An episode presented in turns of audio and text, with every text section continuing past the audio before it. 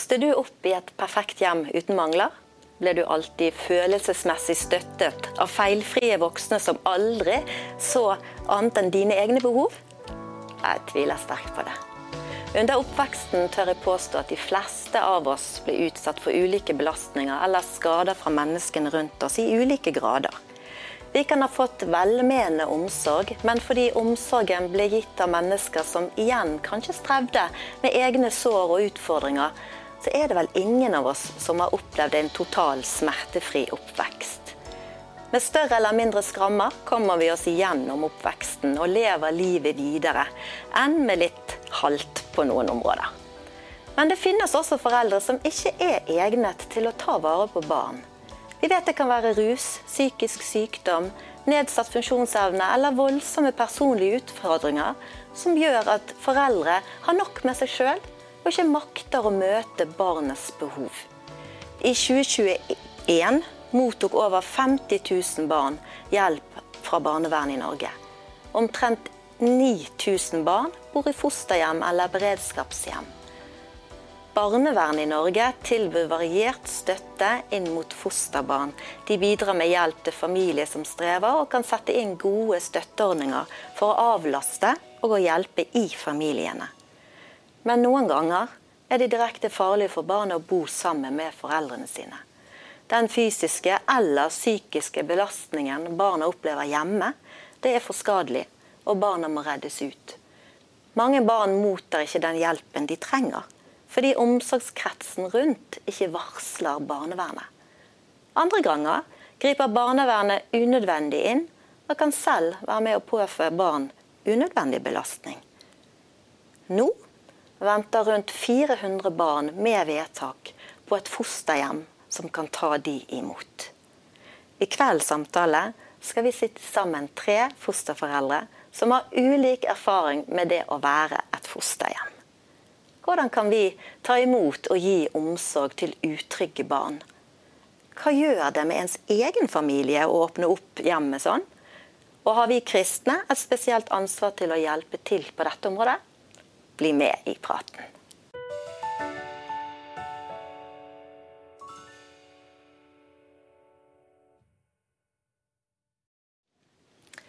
Velkommen til samtalen. Og faktisk først i dag før vi skal bli kjent med gjestene som sitter her sammen med meg, så skal vi bli kjent med en som er et av fosterbarna i landet vårt. Annan. Og du skal få lov til å bli kjent med hans fortelling før vi går inn i våre egne. Hør her. Jeg vokste opp i Levanger med en veldig voldelig far som sitter nå i fengsel. Og pga. det så har jeg hatt mangel på kjærlighet og trygghet. I 2013 flyttet jeg i fosterhjem og jeg bærte på mange sår. Jeg var veldig oppmerksomhetssyk, men jeg ble aldri fornøyd, og ingenting var godt nok. Eh, jeg klarte ikke å ta imot kjærlighet, og jeg aksepterte heller ikke grenser og regler. Jeg aksepterte ikke at eh, jeg skulle bo her, for jeg ville hjem. Dette utviklet seg til mye sinne, fordi jeg følte meg som et offer. Jeg var nesten aldri glad, og det gjorde at eh, jeg begynte å lyve mye. Jeg begynte å gå inn i usunne relasjoner. Og det her gikk utover skole og oppførselen min.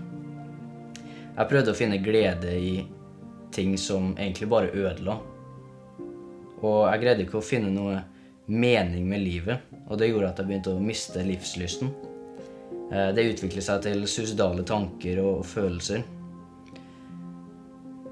våren 2019 så ble jeg ufrivillig jeg tatt med på et møte av mine fosterforeldre. Og da kom det en dame opp til meg, og hun, hun begynte å profetere. Hun sa at uh, om seks måneder skal du vite hensikten med livet ditt. Jeg var ikke kristen da, så jeg tenkte det, det var bare noe tull. Men seks måneder etterpå så dro jeg og fosterfamilien ned til Filippinene for å være misjonærer. Men da var jeg heller ikke kristen. Vi dro på et møte der, der jeg så en det var en fyr som talte, og da så jeg at Guds kraft bare viste seg. Jeg så folk bare lå strødd utover. Og jeg tenkte at hvis det her er ekte, så må det finnes en Gud. Noen uker senere så var vi på en pastorkonferanse, og det var en hel uke. Jeg var på nesten alle møtene fordi jeg ville finne ut mer om det her. på det siste møtet så gikk jeg fram til frelsesinnbydelse og ga livet mitt til Jesus. Og det var egentlig da eh, Det da mye snudde. Jeg fikk den gleden tilbake og livslysten. Eh, I tillegg så jobbet vi på et barnehjem som heter Arise. Og da fikk jeg, fikk jeg noen venner som fortalte sin livshistorie. Og når jeg fikk høre de livshistoriene da de kom ut av slummen og fattigdommen, så fikk jeg et annet perspektiv på livet, og jeg fikk en annen takknemlighet. Men flyttet, eh, vi flyttet tilbake til Norge, og da begynte jeg å gå tilbake til de gamle vennene og de gamle vanene. Jeg begynte å rote meg tilbake i det jeg drev med før. Men så var det en venn av meg som, som så det her. Han, eh, han fikk ord fra Gud, og Gud viste ham hva jeg drev på med. Så han konfronterte meg og sa at 'jeg vet hva du gjør, og du lyver'. Så sa han at eh, jeg må enten velge livet og leve i verden, eller å velge Jesus.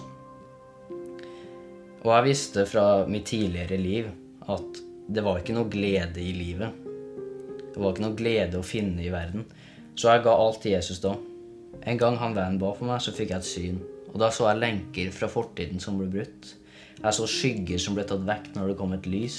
Og jeg så ordet suicidal som bare ble vasket vekk. Jeg har fått lov til å reise rundt med han i Norge og fått dele eh, mitt vitnesbyrd. Og jeg har fått sett hvordan Gud virker. Jeg har fått bedt for syke som har blitt helbredet. Jeg har fått bedt for folk på gaten og på skolen som har blitt helbredet. Og jeg har sett mye mirakler. Nå har jeg fått en god, nær relasjon med fosterforeldrene. Og jeg har fått se at Gud tar det mørke og gjør det om til lys, og gjør at min historie kan gjøre noe godt. Ja, der fikk vi høre og bli kjent med Annan. En veldig flott vitnesbyrd. Og nå i kveld så sitter det to flotte fosterforeldre her. Velkommen, Kenneth Hjortland. Takk for det. Og velkommen, Mariann Gabrielsen. Takk for det. Veldig hyggelig at dere hadde tid til å komme og prate litt om et veldig viktig tema. Og først, Mariann, jeg må nesten spørre deg. Du kjenner jo ekstra godt Annan, din fostersønn. Hvordan eh, var det for deg nå å sitte og høre på filmen? Jo, det er mange følelser som kommer. Det er en sterk historie. Eh, man blir veldig rørt. Eh, og det er bare Guds nåde at det har gått så bra, det må vi si. Um, det har vært en lang vei. Ja, som han, han sjøl sier, at uh, han hadde denne her offerrollen. Um, det, det, var jo noe som altså, Det var veldig vanskelig for han å, å ta imot kjærlighet. Så han gjorde veldig mye um, som ikke var bra.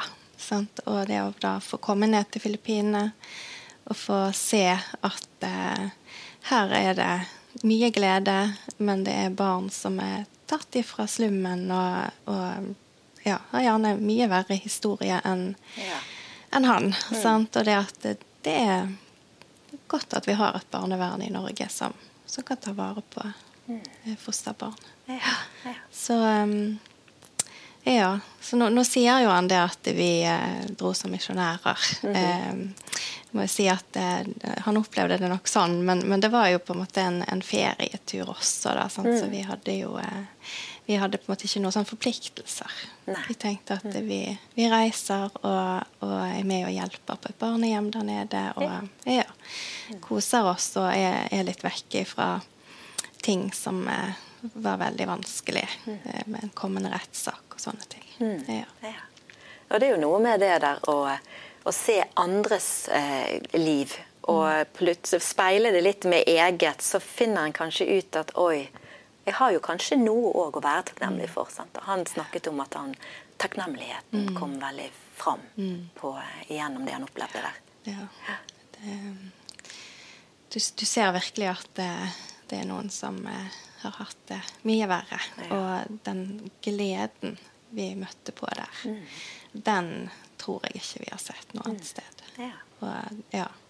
Så det var utrolig opplevelse. Det var det. det Ja. ja. Så det var så fantastisk å og bare se hvordan de levde i nuet og bare hadde det kjempebra og hadde det gøy, og de elsker Jesus og ja.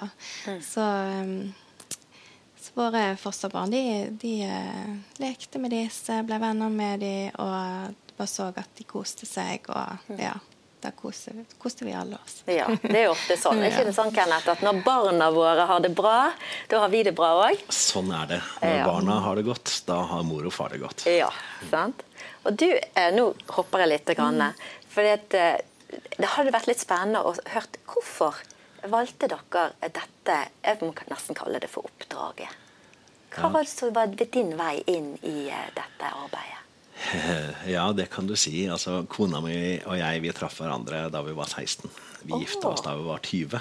Ja. Eh, og allerede tidlig i ekteskapet så var vi skjønt enige om at vi hadde lyst til å få lov til å bety noe utover oss selv. Mm. Men i løpet av de første syv årene vi var gift, så kom det fem barn til verden. Og eh, det gjorde at vi fikk det en smule travelt. Så, ja. så prosjekt, eh, det å bli fosterhjem, det ble på en måte forskjøvet litt, da. Så vi fikk vår første smak for 15 eh, år siden. Eh, før vi for alvor gikk i gang for, eh, for eh, gode ti år siden. Mm. Da gikk kona mi helt ut av jobb. Vi ble beredskapshjem og hadde noen beredskapsoppdrag før vi for åtte og et halvt år siden ble fosterhjem for første gang. Akkurat. Ja. Så dere har altså fem egne barn? Mm. Og så bare på en måte øver dere på å være foreldre til de, og så tar dere Er det, er det Ja, det kan du si. Hvis du, spør, hvis du, spør, barna mine, så vil nok de tenke det at vi brukte de som øvingsdokker, ja. Fordi ja, vi gjorde nok de feila ja. som det er mulig å gjøre med de, og dermed så har vi jo kanskje sluppet unna å gjøre noen feil med fosterbarna, heldigvis. Men, eh, men eh, jo da. Jeg tror ikke det handler om hvor mange barn du har, eller hvor få barn du har. Altså, jeg kjenner fantastiske fosterforeldre som aldri har fått egne barn. Og jeg kjenner fosterforeldre som har flere barn enn oss. Akkurat. Mm, veldig bra.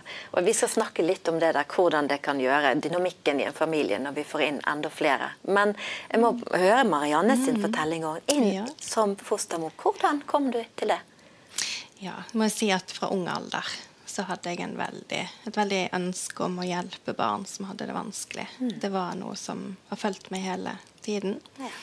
Eh, tillegg så, så, har jeg utdannet eh, førskolelærer og jobbet eh, som styrer i mange år i barnehage. og jeg har hatt veldig interesse for barn mm. eh, og unge. Og på det tidspunktet vi ble fosterhjem, så, så var også mannen min eh, engasjert i ungdomsarbeid som ungdomspastor.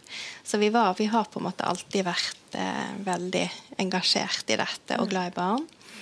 Eh, og jeg eh, syns også at eh, altså min egen familie, da. Eh, vi eh, var i en livskrise hvor meg og min mor fikk eh, Altså det var en familie som åpnet hjemmet sitt for oss.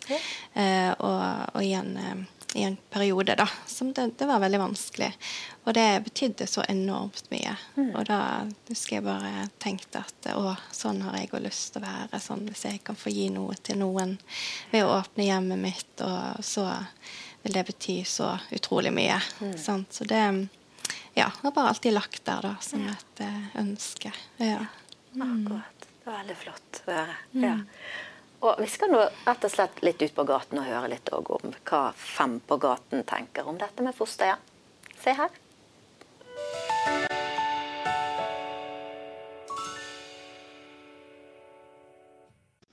Ja, det er jo et komplisert eh, spørsmål. Um, Det blir jo dette her med hjertevarme, da. Åpne hjemmene våre. Se de som har det vanskelig. Eh, ja. Jeg vet ikke. Være villig til å hjelpe, selv om det gjerne koster. Ja. Tilby kanskje litt bedre ting, men de, har jo ganske, de får jo liksom penger for å ha fosterbarn. Ja. Men eh, kanskje litt bedre tilbud, sånn fritidsaktiviteter f.eks. At det skal være ja. innad i og flere sånn sosialt. Mer ja. Eh, arrangementer og sånn. Jeg har jo snakket veldig mye med fosterforeldre i min tid som ordfører og politiker. Og veldig mange syns at systemet har vært tungrodd. At det har gjort det vanskelig. At det er dårlige rutiner. Eh, og vel altfor få melder sin interesse som fosterforeldre litt i redsel for at dette er et system de ikke vil inn i. Først og fremst må vi jo tenke på alle de barna som trenger et trygt hjem å bo i. Og så tenker jeg at byråkratiet får skjerpe seg litt, og så får vi heller ta det som følger med, når vi kan gi noe til barn. Er det noe som er bedre?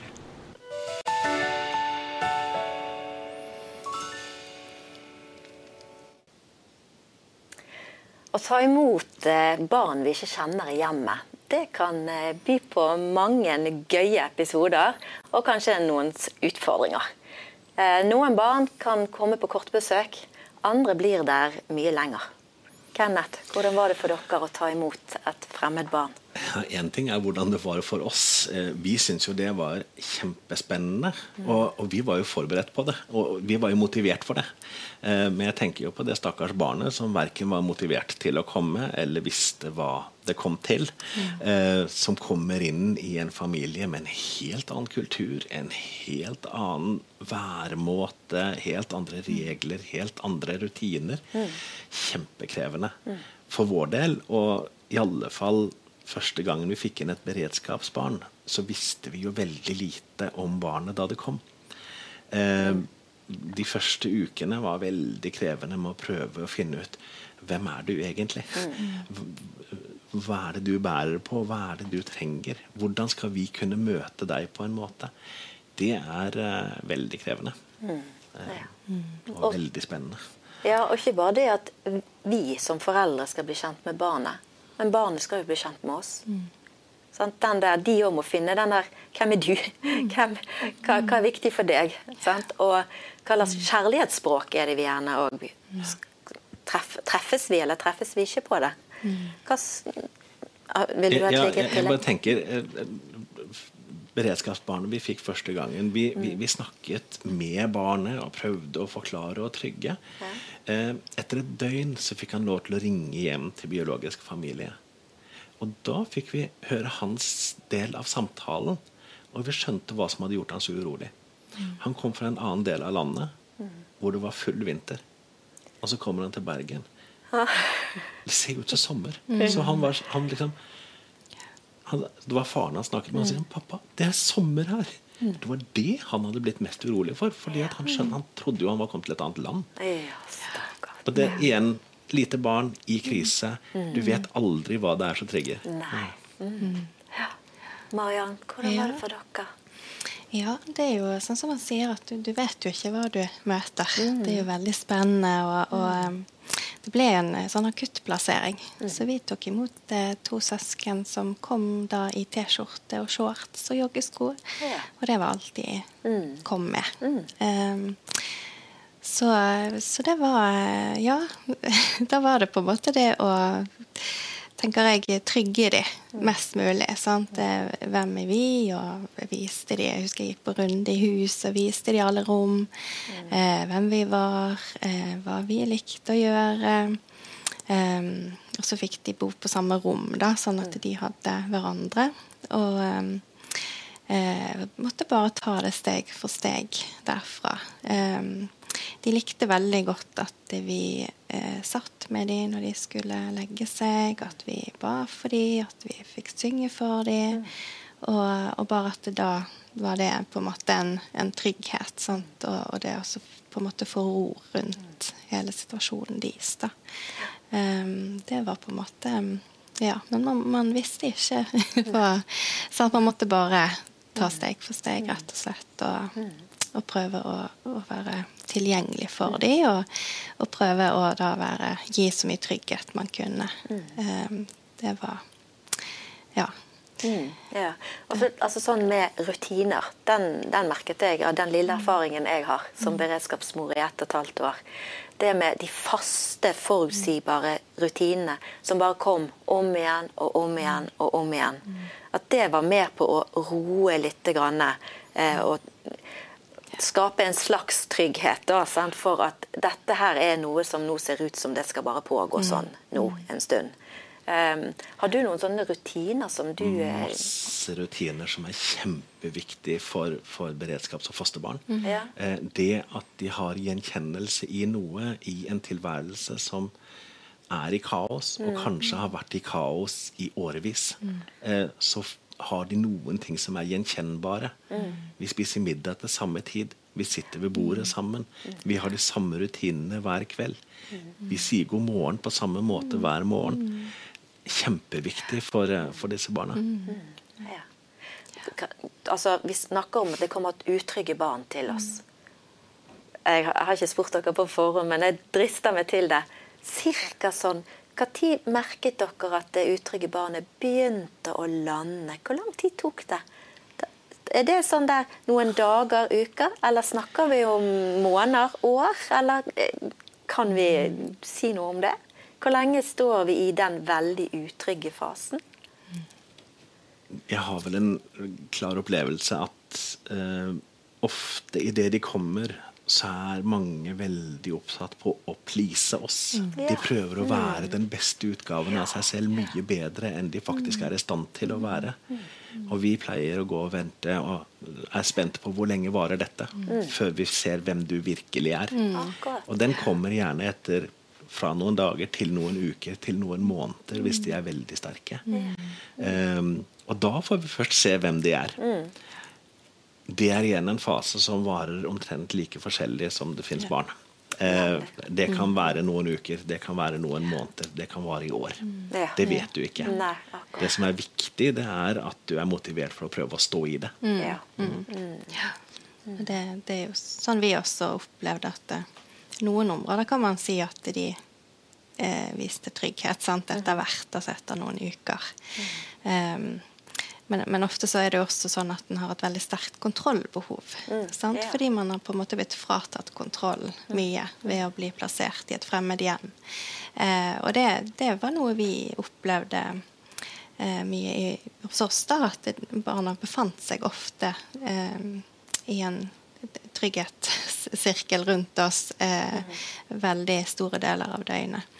Og eh, så gjaldt det også det her med altså På ett område så, så eh, gikk det faktisk fire år før noen ting begynte å, være så trygt at det kunne komme fram. Ja. Sånn at vi Ja, det er litt sånn som du sier, det kan gå eh, dager, uker, måneder og noen ganger år, faktisk. Sant? Og det, det, så vi så jo litt av begge deler. Eh, For at det skulle være trygt sånn at alt kunne komme fram, så gikk det faktisk hele fire år.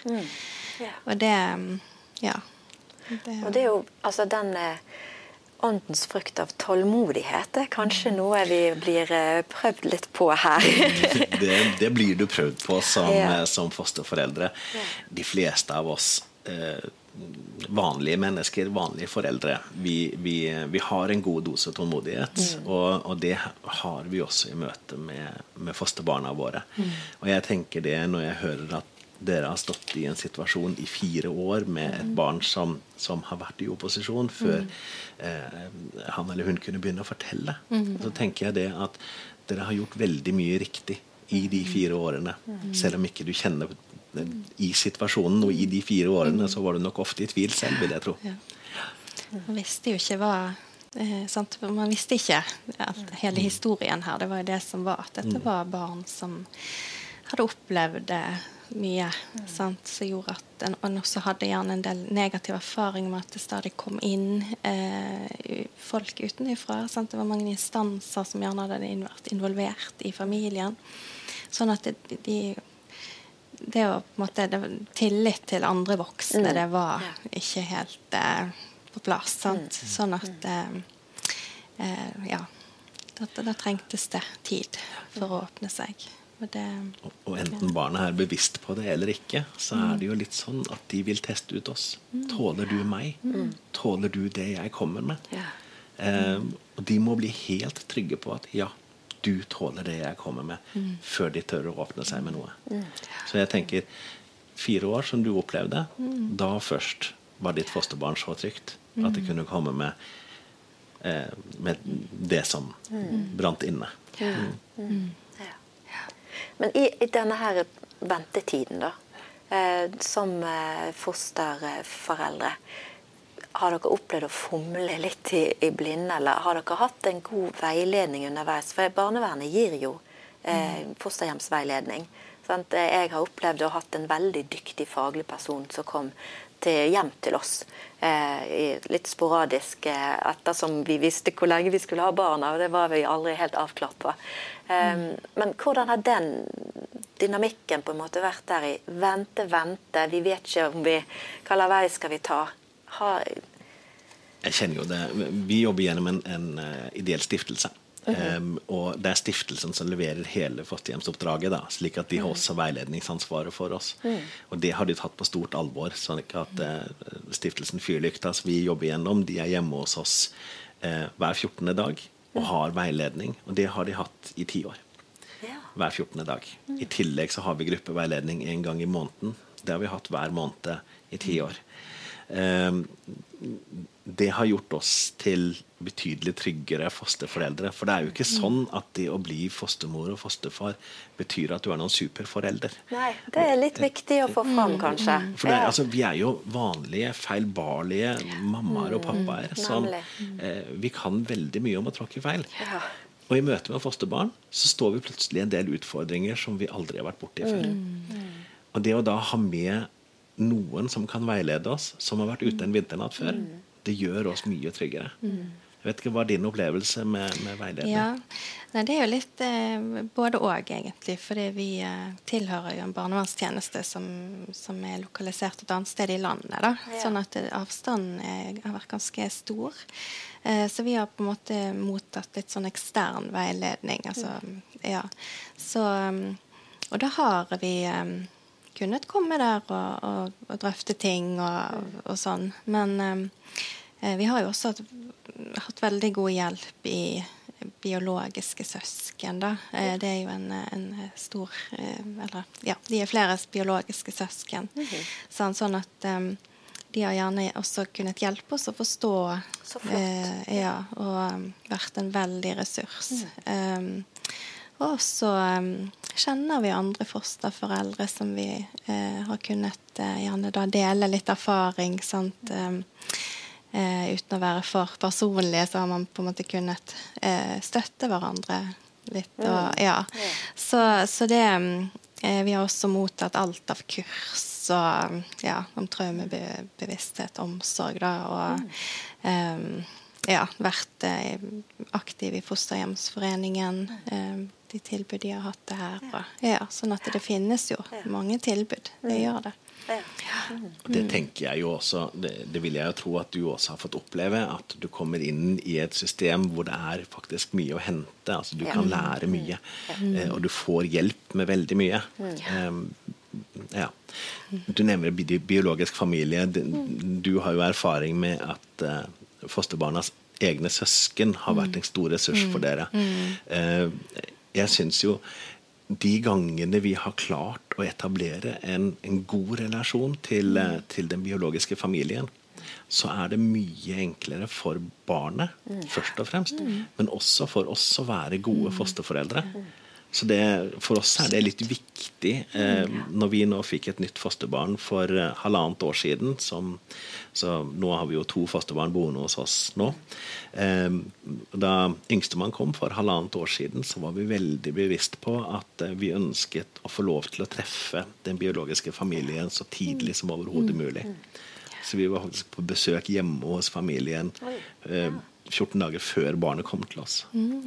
Og det tror jeg har vært en, en av mange nøkler på at det har vært eh, så langt en, en, en god, god erfaring for, for, barnet og for familien og for oss at, eh, at situasjonen er sånn den er. Mm.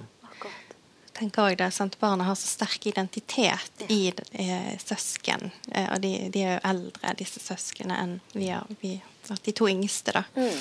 Og da, da har de jo vært besøkshjem for de sånn hver tredje helg. Sant? Og da har det vært så godt for oss å ha den tryggheten der at der har de hatt det godt. Sånn at det har ikke vært sånn at nå trenger vi på en måte avlastning, selv om det egentlig er der. Sant? Så trenger man ikke på en måte å, å tenke at da skal barna føle at det, ja, vi er for mye for de, mm, men at vi eh, faktisk skal til søsken og ha det gøy. Vi skal gjøre noe gøy i helgen. sant?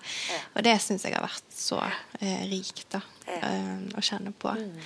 For det det er, jo en følsomhet der. Mm. Sant? Jeg er fosterbarn, og det at vi ikke være annerledes. En vil ikke um, Ja, en kan gjerne føle på at en er en belastning, eller at er for, vi er for mye. Nå trenger de ferie. Sant? Og det, det, har vi vært bevisst på, det. At, å fokusere på at nå skal, skal dere der og ha det kjekt. Og, ja. altså, jeg tenker den lille, denne anerkjennelsen mm. i at du kommer fra noen som De er jo glad i deg, det er bare at de kan ikke akkurat nå, sant, av ulik årsak. Eller at vi anerkjenner at de er de jo, har jo en tilhørighet mm. sant, utenom. For det er jo Jeg har hørt eh, flere fosterbarn som de skanner familiealbumer sendt i fosterhjemmet. Og de ser og ser og leser og skal prøve å identifisere seg med fosterhjemmet sendt som en del av. Og så mm. mangler jo de selvfølgelig på alle bildene mm.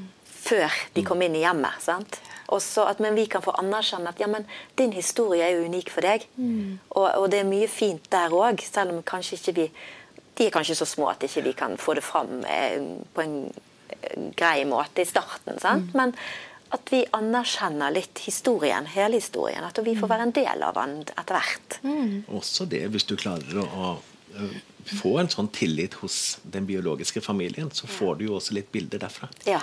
Eh, pluss at for fosterbarna oppleve at, for vår del i alle fall, vi blir genuint glad når barnets biologiske familie kommer på besøk. Mm. Vi syns det er veldig veldig kjekt å få dem på besøk. Og det opplever jo fosterbarna. De ser at vi blir glad, mm. eh, og vi omtaler de alltid mm. godt. Mm. Det, vi har ikke noen grunn til noe annet. Um, så, så eh, jeg, jeg, tror det er noen nøkler i, mm. i relasjonen til, mm. til, familien, i den grad det er mulig å få til. Ja. Ja. Det er jo det som er naturlig òg. Det er jo på en måte det å være fosterbarn. Det er jo fordi det ikke har fungert så godt i, sånn som det burde, originalt. Sant? Og det, det, er jo Vi har også veldig sånn, god erfaring med det at vi har en mor som har vært eh, veldig takknemlig, og hun har vært mye på besøk, og hun er kjempeflink å lage mat. Sant? Så hun har gjerne invitert oss på middag, så eller kommet på besøk med middag. Sant? Så det har vært utrolig eh, det har vært veldig eh, kjekt da, å ha den kontakten. Og så viktig òg å kunne kjenne på liksom, en takknemlighet, selv om hun selvfølgelig en sorg og ja. eh, mm. sant, ikke kunne ha barna hos seg. Så er det noe med at eh, ja, da prøver vi sammen å gjøre det beste ut av det. Sant? Mm. Det er jo en sorg som vi også i høy grad må anerkjenne. Ja. Altså, jeg tenker jo, som jeg også har sagt til, til foreldrene altså, mm. hvis, hvis, noen hadde tatt mine barn ja. Jeg, hadde jo klikka i vinkel. Jeg har gjort alt som sto i min makt for å få dem tilbake. Selvsagt. Det at, um, at vi stevner mot en rettssak for et av fosterbarna våre, um, så sier vi til foreldrene at vi var aldri med i noen beslutning på at dette barnet skulle flyttes. Vi har aldri brydd oss om årsaken til at barnet skulle flyttes. Det er ikke vår jobb. Det er barnevernets sure plikt å jobbe med den type ting. Den dagen retten eller barnevernet kommer fram til at du skal få barnet ditt tilbake, så skal vi heise flagget og feire mm. sammen med deg. Mm. Og det må vi mene. Ja, ja. Mm. ja. Vi skal få en liten reklamesnutt, og så går vi videre i samtalen. Bare hold ut. Ser du på Live med venner? Det burde du. Da får du servert en time med god stemning og interessante temaer om samfunns- og menighetsliv. Og ikke minst trosstyrkede refleksjoner fra Bibelen. Det hører også med. Du er så velkommen til å henge med oss på tirsdager klokken ti. Live med venner sendes på Facebook, på Kanal 10 og på Bedehuskanalen. Da ses vi på tirsdagene.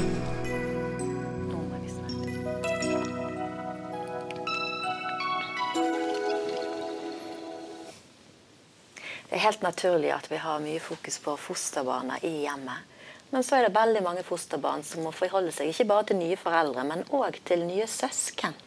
Og vi har jo allerede blitt kjent med Kenneth her, som har fem fra før av. Og Marianne, Marianne, hvor mange hadde du? Ja, jeg har tre. Tre fra mm. før av. Mm. Hvordan har deres egne barn opplevd dette å få en større søskenflokk? Ja, Vi har jo litt spredt alder på vår. Ja. Eh, jeg var faktisk gravid når vi tok imot eh, disse fosterbarna, sånn at vi har på en måte fått et barn som egentlig har vært litt sånn alle sin, da. Eh, det har jo vært veldig rikt. men den eldste vår, han, jeg spurte han litt hvordan han har opplevd det, og vi har vært veldig opptatt av å av han, da. Mm. Og um, han sa at det har vært så rikt å få flere søsken. Mm. Og det å, å, kunne ha en voksen hjemme hele tiden. Det å vite at mamma yeah. er der når jeg mm. kommer fra skolen. Hun, at det, man gjerne har fått eh, mer mulighet til å følge opp sine egne også. Eh, samtidig så, så, så, har det vært mye. Det, det, er vondt å se at de har hatt mange eh, vanskelige ting i sine, sin familie. Og det har vært en del stress, og det har vært sånn, en del eh, ja, utfordringer, da. Mm. Som, som, også gjerne barna blir litt involvert i. Mm. Det, eh, men det å, å, kjenne på at eh, vi kan få lov å være med og hjelpe noen, det, det har vært veldig rikt, det mm. sier han også. da. At man lærer seg mer å å ta seg av hverandre. Sant? Mm. Og det å eh, dele mamma og pappa, dele hjem, dele besteforeldre. Så ja, hos oss ja. har vi vært sånn. Da er alle involvert. Og det mm. mm. egentlig bare vært positivt. Ja, ja. flott. Det er det. Men fem stykker på forhånd, det har jo vært eh, sikkert mye ja, forskjellig søskenskiving der. Og så får de skive med litt flere. Det, det fikk de. Ja. Eh, vi gikk eh, Nå var jo våre tenåringer da vi okay. ble fosterhjem. Mm. Eh, så yngste må jeg bare Nå skal jeg ikke ljuge på TV, men han var iallfall 14. Mm. Eh, og, men vi gikk lange og grundige runder med alle ungene våre. Eh, de fikk lov til å være med og ta bestemmelsen. De fikk lov til å bruke den tiden de trengte på å ta bestemmelsen på at vi skulle bli. Mm. Dette var jo før vi visste noen ting om hvilke barn som kom til oss. Mm. Men, men, men ungene våre fikk være med, for vi tror at vi må være en familie som skal gjøre dette sammen. Mm. Eh, dette er jo en del år siden. Eh, nå er barna våre blitt voksne. Mm. Og det er jo ikke sånn at fordi at vi hadde en grundig runde i forkant, at ikke det ble noen frustrasjoner. De har vært frustrert mer enn én en gang. Mm. Eh, de har bodd hjemme, de opplever at ikke de får plass, de får ikke mm. ro. Det blir en sånn sjalusifølelse.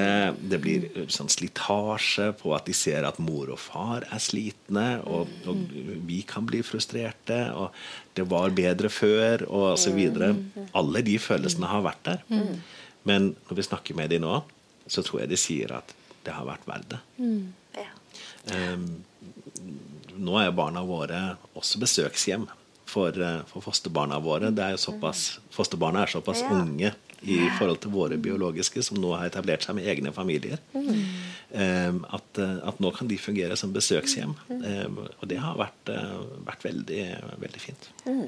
Ja, den ser jeg. Mm. Og det jeg bare dro fordel av å ha tre voksne gutter hjemme som uh, kunne være litt uh, onkel innimellom og lekekamerat. Og um, hadde tid til over sånn innimellom. Så det, og det er jo litt avlastende òg, selvfølgelig. Sant? At du mm. ikke du som hele tiden må aktivisere hvis det er en som er veldig aktiv. Mm. Jeg kjenner jo det at det å være over 50 og ha småbarn i hus ja. Da er jeg veldig glad for at jeg har en kar som fremdeles bor hjemme, som er tidlig i 20-årene, som når han ser det at eh, Du, pappa, nå ser jeg åssen du har det. Jeg tar med meg han der lille karen der, ja, så tar vi oss en biltur. Ja, ja. Og så forsvinner de og er borte et par timer. Ja. Og jeg får lov til å flate litt ut og hente meg inn igjen. Det er helt nydelig å ha voksne barn i heimen. Ja. Mm. Ja, vi har jo også altså, en annen ting jeg tenker på, vi har veldig mye sånn fokus på um, å skape mange opplevelser sammen. Da. Så vi har jo eh, prioritert og tatt ferieturer og skape opplevelser. Og eh, også vært mye ute i naturen og på en måte bare eh, For det har vært veldig samlende for alle. Så at alle er med på dette, og vi skaper noen ting sammen. Da. Eh, og det eh, ja, det er jo noe som han spesielt eldste, og, men også jeg har ei på 13 da, som mm. også sier hun har så mange gode sånne eh, for alt det kjekke vi har gjort. da, mm. sant? Og det er jo ikke sikkert at det hadde vært like mulig hvis eh, mor og far var fulltidsjobb ute. Mm, sant? Ja. Mm. Så det blir jo på en måte en livsstil da, for ja. hele familien, egentlig. Sant? Det å, å være ja, måtte mm. være tilgjengelig hele tiden. Da. Mm. Ja. Mm. Så, så um, Men nå er vi veldig familieskjær, egentlig alle. Det, det, er, det, er, vi også. Ja. Eh, og jeg har lyst til å trekke fram storfamilien. Jeg. Ja. Kona mi er eldst av ni søsken. Det er en stor familie. Mm. Eh, og alle sammen og Vi snakker over 50 mennesker totalt med ektefeller og barn osv. Eh, alle sammen uten unntak har tatt imot disse mm. fosterbarna som våre. Og, og, det tror jeg også er en nøkkel. Altså, mm. at dette er faktisk fulle familiemedlemmer. Um, og det må vi være veldig innstilt på når vi sier ja til å ta imot. At vi skal være en familie, ikke en liksom-familie. Vi skal gå inn med hud og hår. Ja. Men akkurat den kan være sånn, for noen da som vet at eh, for det, Nå snakker vi ofte fosterhjem. Sant? For mm. da tenker vi det er herfra til evigheten. Sant? Mm. Mens i et beredskapshjem der er det egentlig bare en mellomstasjon. Og der kjente jeg på utfordringen. Hvor mye skal jeg fullstendig åpne opp? Hvor mye må jeg holde tilbake? For jeg vil ikke gjøre det vanskelig for barna. Mm. At de skal knytte seg sånn til meg, for de skal videre. Sant? Mm. At, at, og hvor mye skal involveres. Samtidig så eh, hadde jeg en, en veileder som sa de kan aldri få nok. Det er bare å pøse på. Mm. Og Det er jeg veldig glad for at hun sa til meg. Fordi at jeg hadde en, en litt sånn problemer med det. Jeg vil ikke gjøre det for vanskelig for dem. Og tenk om det blir bare sånn Og nå skal dere flytte videre. Hva mm. mm. Og så står vi der og griner og jeg sendte mm. Ja. Det kan eh, Jeg er helt enig. Som beredskapsmor, beredskapsfar, mm. gå all in. Fordi at barna får ikke nok uansett. Eh, men barna vil kjenne, de vil slite på når de vet at de skal videre. Mm. Her har jeg det så bra. Hvorfor mm. kan jeg ikke få bo her? Mm. For det kjenner mange beredskapsbarn på, i alle fall i den eh, gode solskinnsperioden de har til å begynne med. At de opplever trygghet, rutiner. Ting er litt på plass. Her vil jeg være. Og så, og så vet de at de får ikke det. På et tidspunkt så blir det et nytt brudd, et nytt oppbrudd. Eh, det er kjempekrevende. Vi hadde et beredskapsbarn som visste at, eh, at det skulle videre. Mm. Eh, etter noen måneder så, så, fikk vi beskjed på at det var funnet et fosterhjem, og vi reiste på besøk til fosterhjem og gjorde alt etter boken. Mm. Og i tolvte time så trekker fosterhjemmet seg. Det ble en veldig veldig, mm. veldig vanskelig tid for, for det barnet som mm. satt igjen hos oss. Ja. Mm.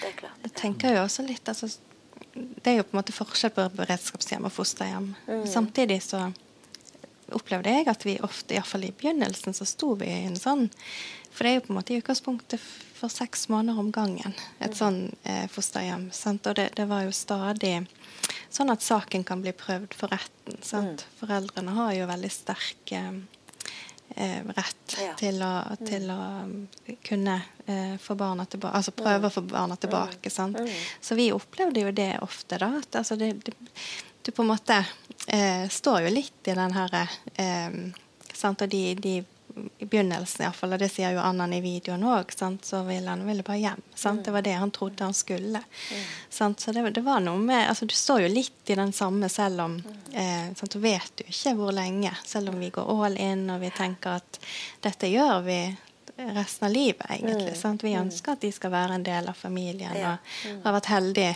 å oppleve det òg. Mm. At nå har de bodd der i snart ti år, og, mm. og de er som våre. Ja. Eh, men, eh, men den der hver sjette måned der, spesielt i begynnelsen, det var veldig tøft. da. Mm. Og, og det eh, var veldig sånn Hvor mye informasjon skal vi gi? Hvor, eh? Fordi de, de, har som sagt et sterkt kontrollbehov. De trenger å vite. Sant? Og, og stå i det spennet hele tiden mellom å være på samvær med foreldre sant? Og, så, eh, og da kjenne på at de vil hjem. Og så, eh, ja? Og, og det eh, syns jo vi var veldig sånn utfordrende. Og Men, men, det er jo sånn som du sier, vi, det var liksom, vi må bare gå all in og bare gi dem masse av det vi kan gi. Og så vil jo de kjenne det. De vil jo se at uh, vi ønsker dem. Sant? Og, ja.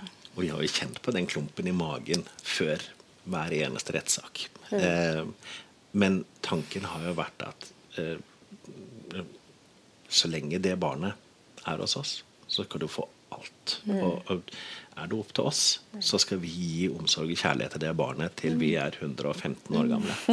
Um, så, så, så, lenge det er utgangspunktet, så, så, vet barnet at vi er der.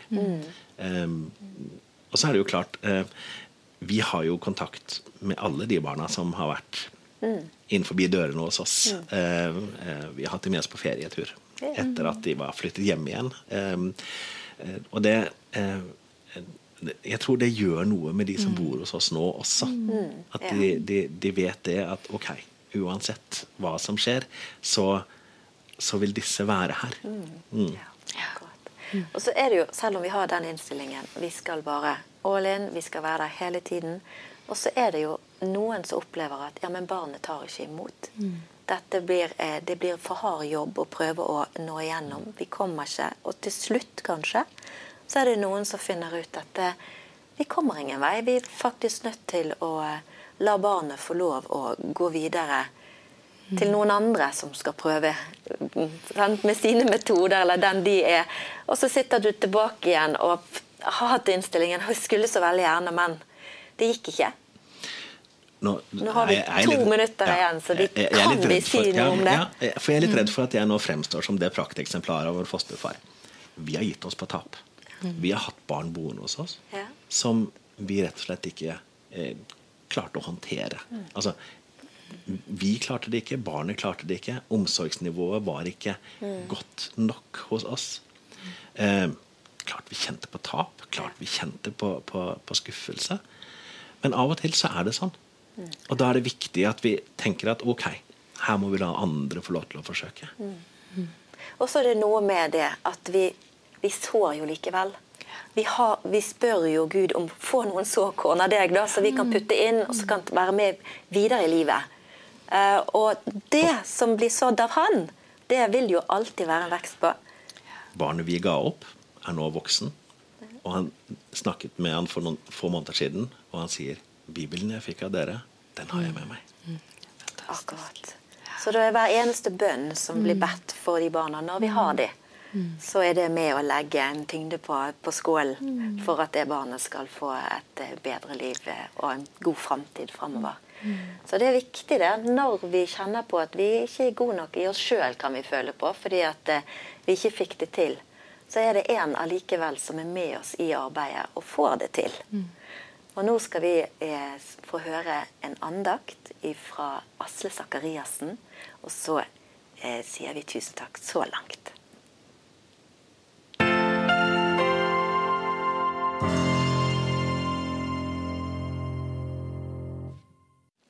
Da Tor Håvik var med på Farmen, fortalte han en historie til deltakerne som jeg syns er veldig fin. I denne historien møter man en eldre mann som går en eh, tur tidlig på morgenen på ei strand. Eh, og På denne turen så møter han en eh, ung mann som står og kaster sjøstjerner ut i havet.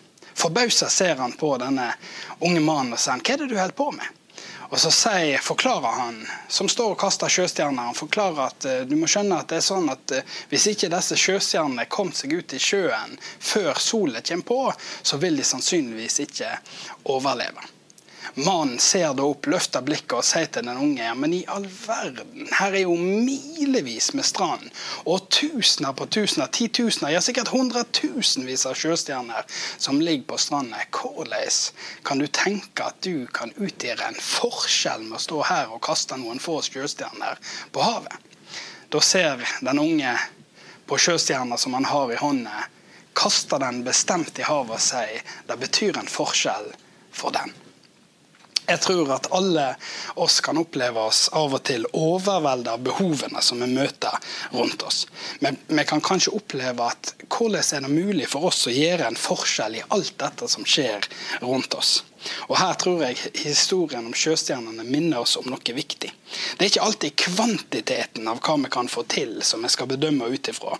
Framfor å telle hvor mange, kan vi av og til tenke på verdien det vi gjør kan ha for den enkelte hva om du får hjelpe noen som opplever det litt på samme måte som sjøstjerner på stranda?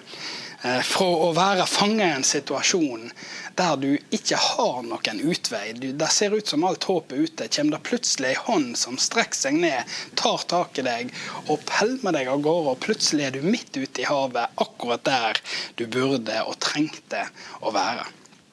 I Johannesevangeliet kapittel 5 eh, så kan vi lese en interessant fortelling om Jesus som kommer til Betestadammen.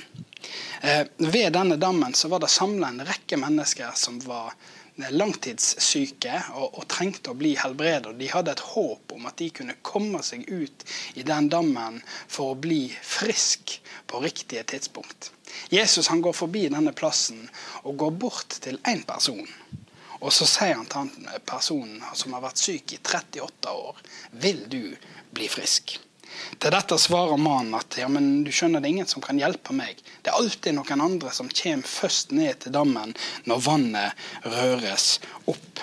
Men Jesus ser på mannen, sier til han, stå opp, ta båra di og gå. Og med det samme kommer det styrke til mannen, og han blir helbredet.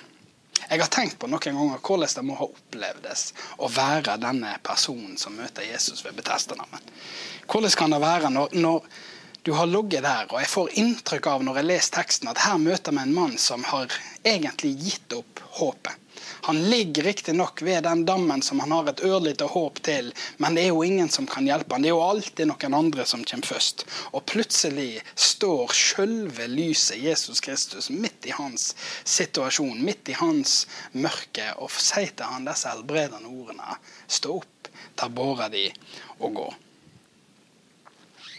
Jeg tror at vi som etterfølgere av Jesus har en oppgave og en unik mulighet til å minne vår omgivelse om at vi ikke er alene her på jorda. Men vi har faktisk en far i himmelen som strekker ut sine hender mot den såra verden. I sin samtale med Nikodemus i Johannesevangeliet kapittel 3 sier Jesus de kjente ordene, for så høyt har Gud elska verden, at han ga sin sønn den enbårne, så hver den som tror på han, ikke skal gå fortapt, men ha evig liv. Gud sendte ikke sin sønn for å dømme verden, men for at verden skulle bli frelst ved han. Noen tenker kanskje at Gud har en pekefinger retta mot verden, og med sinte øyne ser på alt som er galt med oss mennesker, og det vi ikke får til. Men jeg tror ikke det er sånn.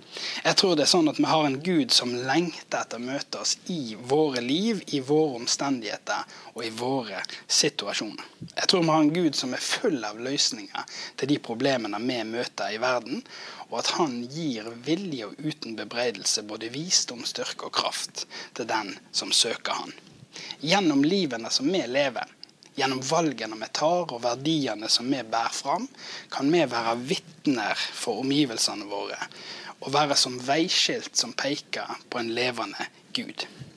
En Gud som har hjerte for vår verden. Det er kanskje ikke alltid like spektakulært som historien vi las fra Betesta, men det kan likevel være kraftfullt og utrolig betydningsfullt for den enkelte. Kanskje har du noen rundt deg som du kan stoppe litt opp for. Noen ganger kan det være vanskelig å vite hvor du skal begynne, men kanskje er det like greit å begynne bare akkurat der du er. Hvem har du rundt deg som kan trenge en oppmuntring, hjelpende hånd eller noen trøstende ord? Gud velsigne deg.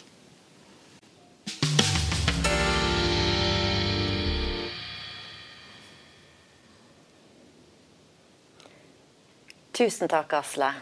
Der var det noe som var godt for alle å få med seg. Og så må vi si tusen takk, Mariann og Kenneth. Vi skulle jo ha snakket veldig mye lenger og mye mer. For her er det masse mer vi kunne ha gått inn på. Men takk for det at dere er så tøffe og stiller opp og deler. Og jeg tror det er noen eh, fosterbarn som må være veldig godt fornøyd med fosterforeldrene sine. For det gode inntrykket dere har, har gitt oss i kveld. Nå ja. ja så, kanskje vi skal snakke med fostermor og fosterfar. Ja, kan vi snakke med fosterbarna. ja, ja. Vi, vi, regner med det er, er mye bra. Ja. Og det var det vi fikk i kveld. Nå eh, håper jeg at du sitter og tenker at kanskje jeg kan få være med og gjøre en forskjell for noen. For du trenger ikke å være fostermor og fosterfar for det. Du kan være en god nabo. Du kan være en som tar mot eh, en til rundt bordet. Kanskje det er en venn av barna dine eller barnebarna dine som trenger deg. Bare et smil, en middag, en invitasjon til noe hyggelig. En tur ut i skogen. Det er mye vi kan gjøre uten at vi må gjøre så stort nummer av det. Eh, neste torsdag så er det faktisk jeg som sitter her igjen, og håper du vil være med meg. For da blir det et helt annet tema. Da skal vi inn og se litt og undre oss litt over hva er egentlig sunn åndelighet? Det er mye åndelighet ute i samfunnet for tiden. Mange snakker om det, og mange mener mye om det. Og vi som er kristne, vi vet at vi har en ånd. Vi vet at Den hellige ånd er i oss, at vi er tempel for det. Så bli med på en spennende prat om en uke. Nå sier jeg hjertelig tusen takk for at du var med oss i kveld. Gud med deg.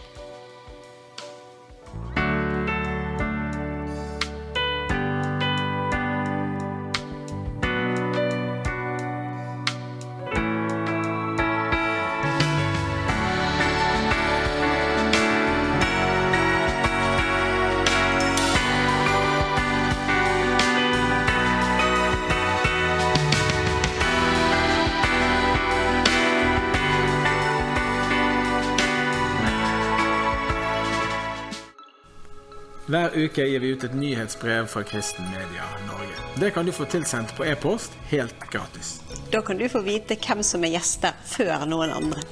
Der får du se videoer, kommentarer, andakter og annet innhold fra oss. Gå inn på nettsiden kristenmedia.no og registrer deg, så får du nyhetsbrev fra oss hver uke.